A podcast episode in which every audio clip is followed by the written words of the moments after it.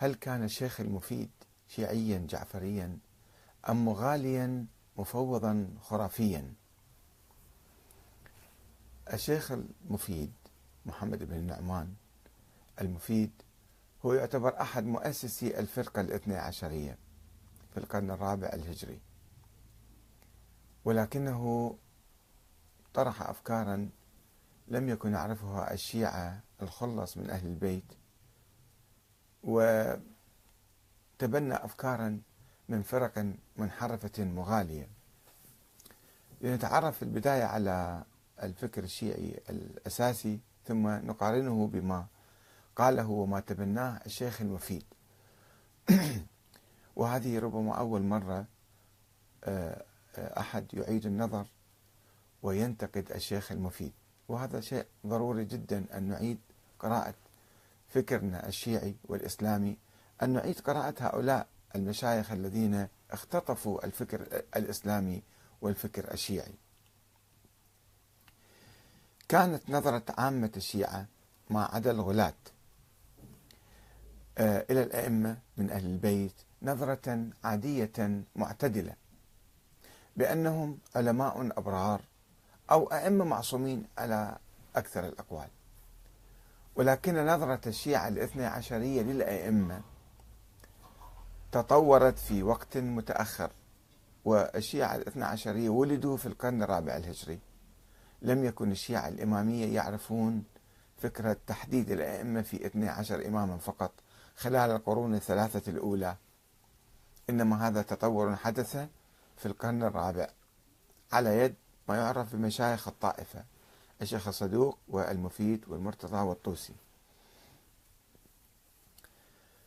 فتطورت نظرة الشيعة الاثني عشرية للأئمة في وقت متأخر فأصبحوا يصفون الأئمة ويعتقدون بأنهم محور الدين وأساس الإسلام كما يظهر من الزيارة الجامعة التي جاء فيها السلام عليكم يا أهل بيت النبوة وموضع الرسالة.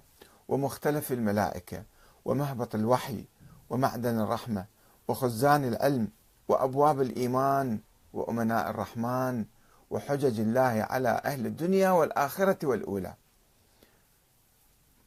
ومعادن حكمة الله وحفظة سر الله وحملة كتاب الله وعيبة علمه وحجته وصراطه ونوره وبرهانه. وأشهد أنكم الأئمة الراشدون المهديون المعصومون. اصطفاكم بعلمه وارتضاكم لغيبه واختاركم لسره واجتباكم بقدرته ورضيكم خلفاء في أرضه وحججا على بريته. عصمكم الله من الزلل فالراغب عنكم مارق واللازم لكم لاحق والمقصر في حقكم زاهق. والحق معكم وفيكم ومنكم وإليكم وأنتم أهله ومعدنه وميراث النبوة عندكم. من والاكم فقد والى الله ومن عاداكم فقد عاد الله ومن أحبكم فقد أحب الله ومن أبغضكم فقد أبغض الله. من أتاكم نجا ومن لم يأتكم هلك وظل من فارقكم وفاز من تمسك بكم وأمن من لجأ إليكم وسلم من صدقكم وهدي من اعتصم بكم. من اتبعكم فالجنة مأواه ومن خالفكم فالنار مثواه. إني مؤمن بكم وبما آمنتم به كافر بعدوكم وبما كفرتم به مستبصر بشأنكم وبضلالة من خالفكم موال لكم ولأوليائكم مبغض لك لأعدائكم ومعاد لهم. هذه تسمى زيارة جامعة وذهبت الزيارة الجامعة إلى مخاطبة الأئمة بالقول إن أرواحكم ونوركم وطينتكم واحدة. طابت وطهرت بعضها من بعض. خلقكم الله أنوارا فجعلكم بعرشه محدقين. هاي نظرة جديدة للأئمة. وقد ترافق ذلك مع الادعاء بأنهم يقومون بأن الأئمة يعني من أهل البيت يقومون بأدوار كونية كإنزال الغيث ومسك السماء ومحاسبة الخلق يوم القيامة. كما نجد في هذه الزيارة. بكم فتح الله وبكم يختم وبكم, وبكم ينزل الغيث وبكم يمسك السماء أن تقع على الأرض إلا بإذنه. وبكم ينفس الهم ويكشف الضر.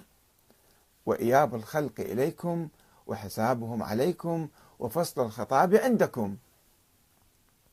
وتدل هذه الزيارة التي يرويها الصدوق شيخ محمد بن علي بن بابويه الصدوق وابن قولويه والطوسي عن موسى بن عمران النخعي وهذا أحد الغلاة.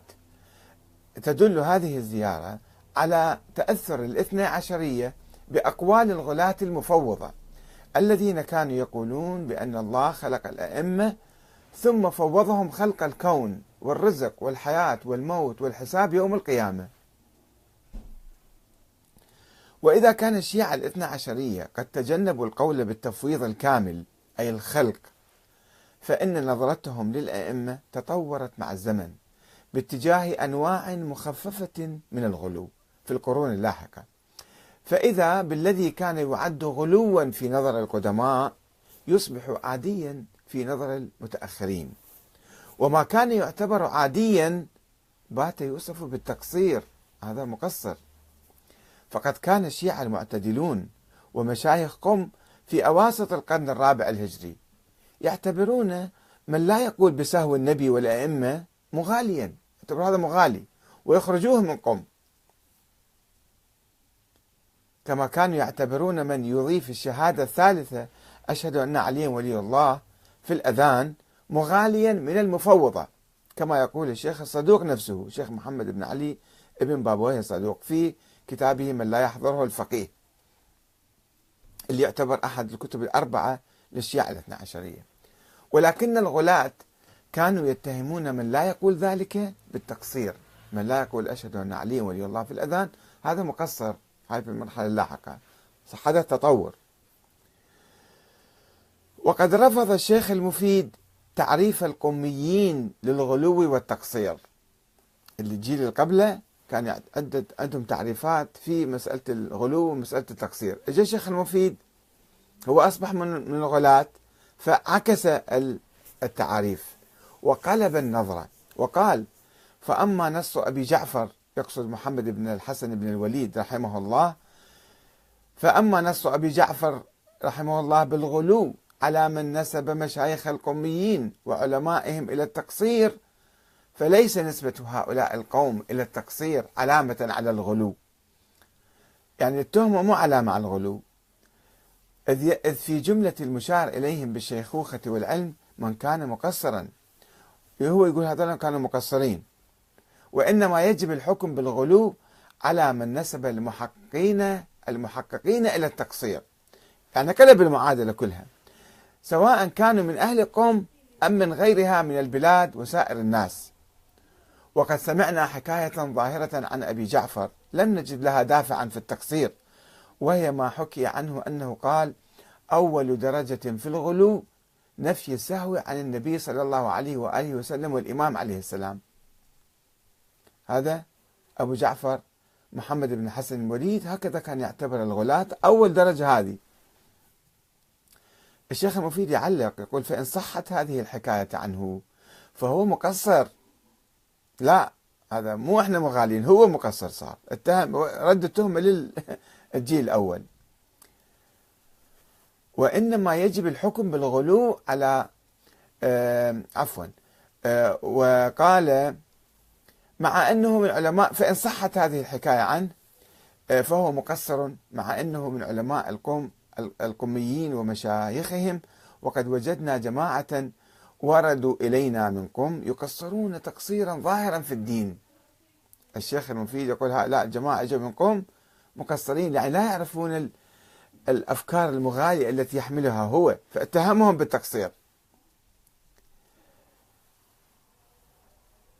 ويزعمون وينزلون الأئمة عليهم السلام عن مراتبهم. هو ارتفع في ذلك. الشيخ المفيد يعتقد مراتب عليا للأئمة وهؤلاء أهل قوم.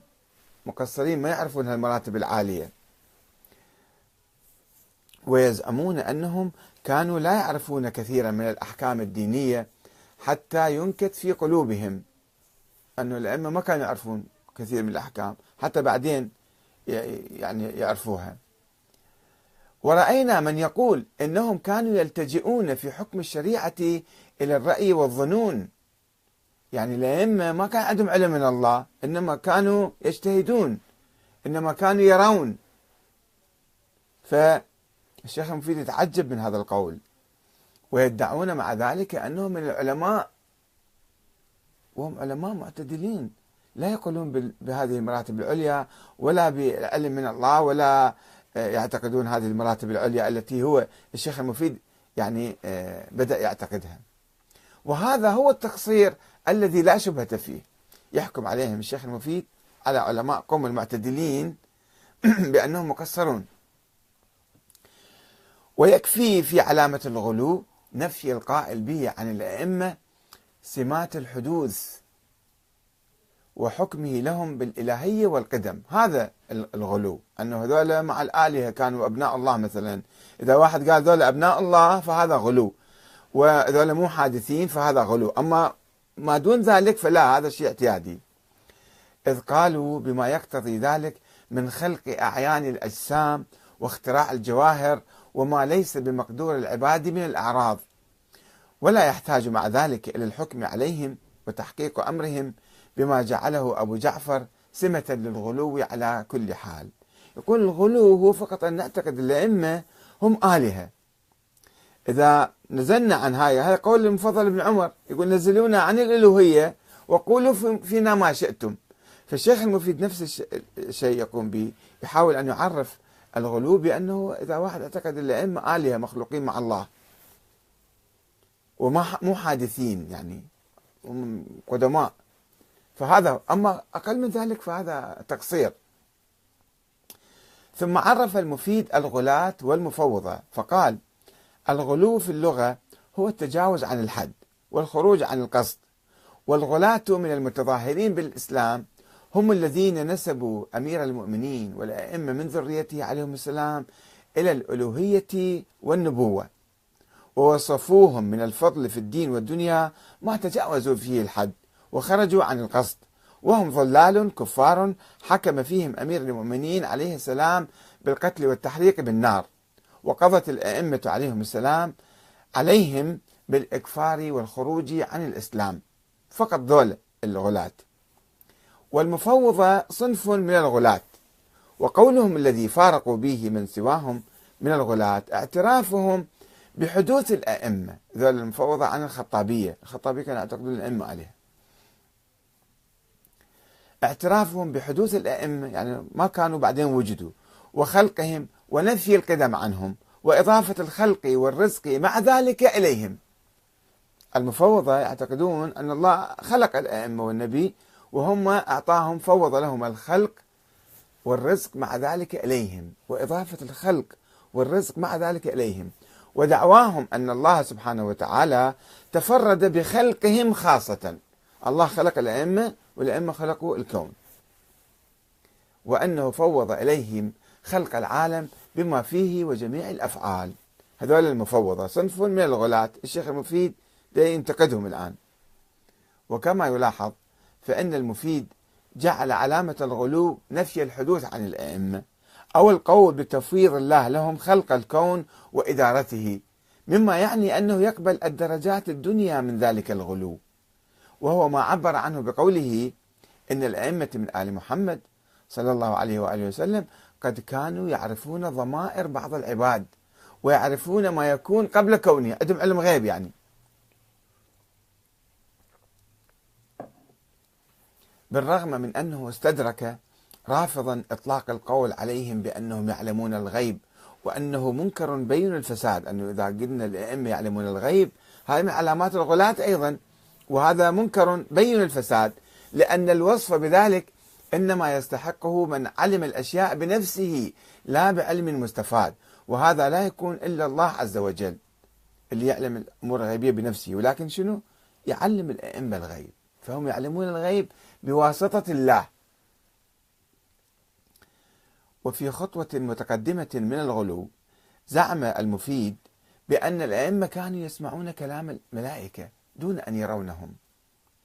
وتبنى قول من فضل الأئمة على سائر من تقدم من الرسل والأنبياء سوى نبينا محمد.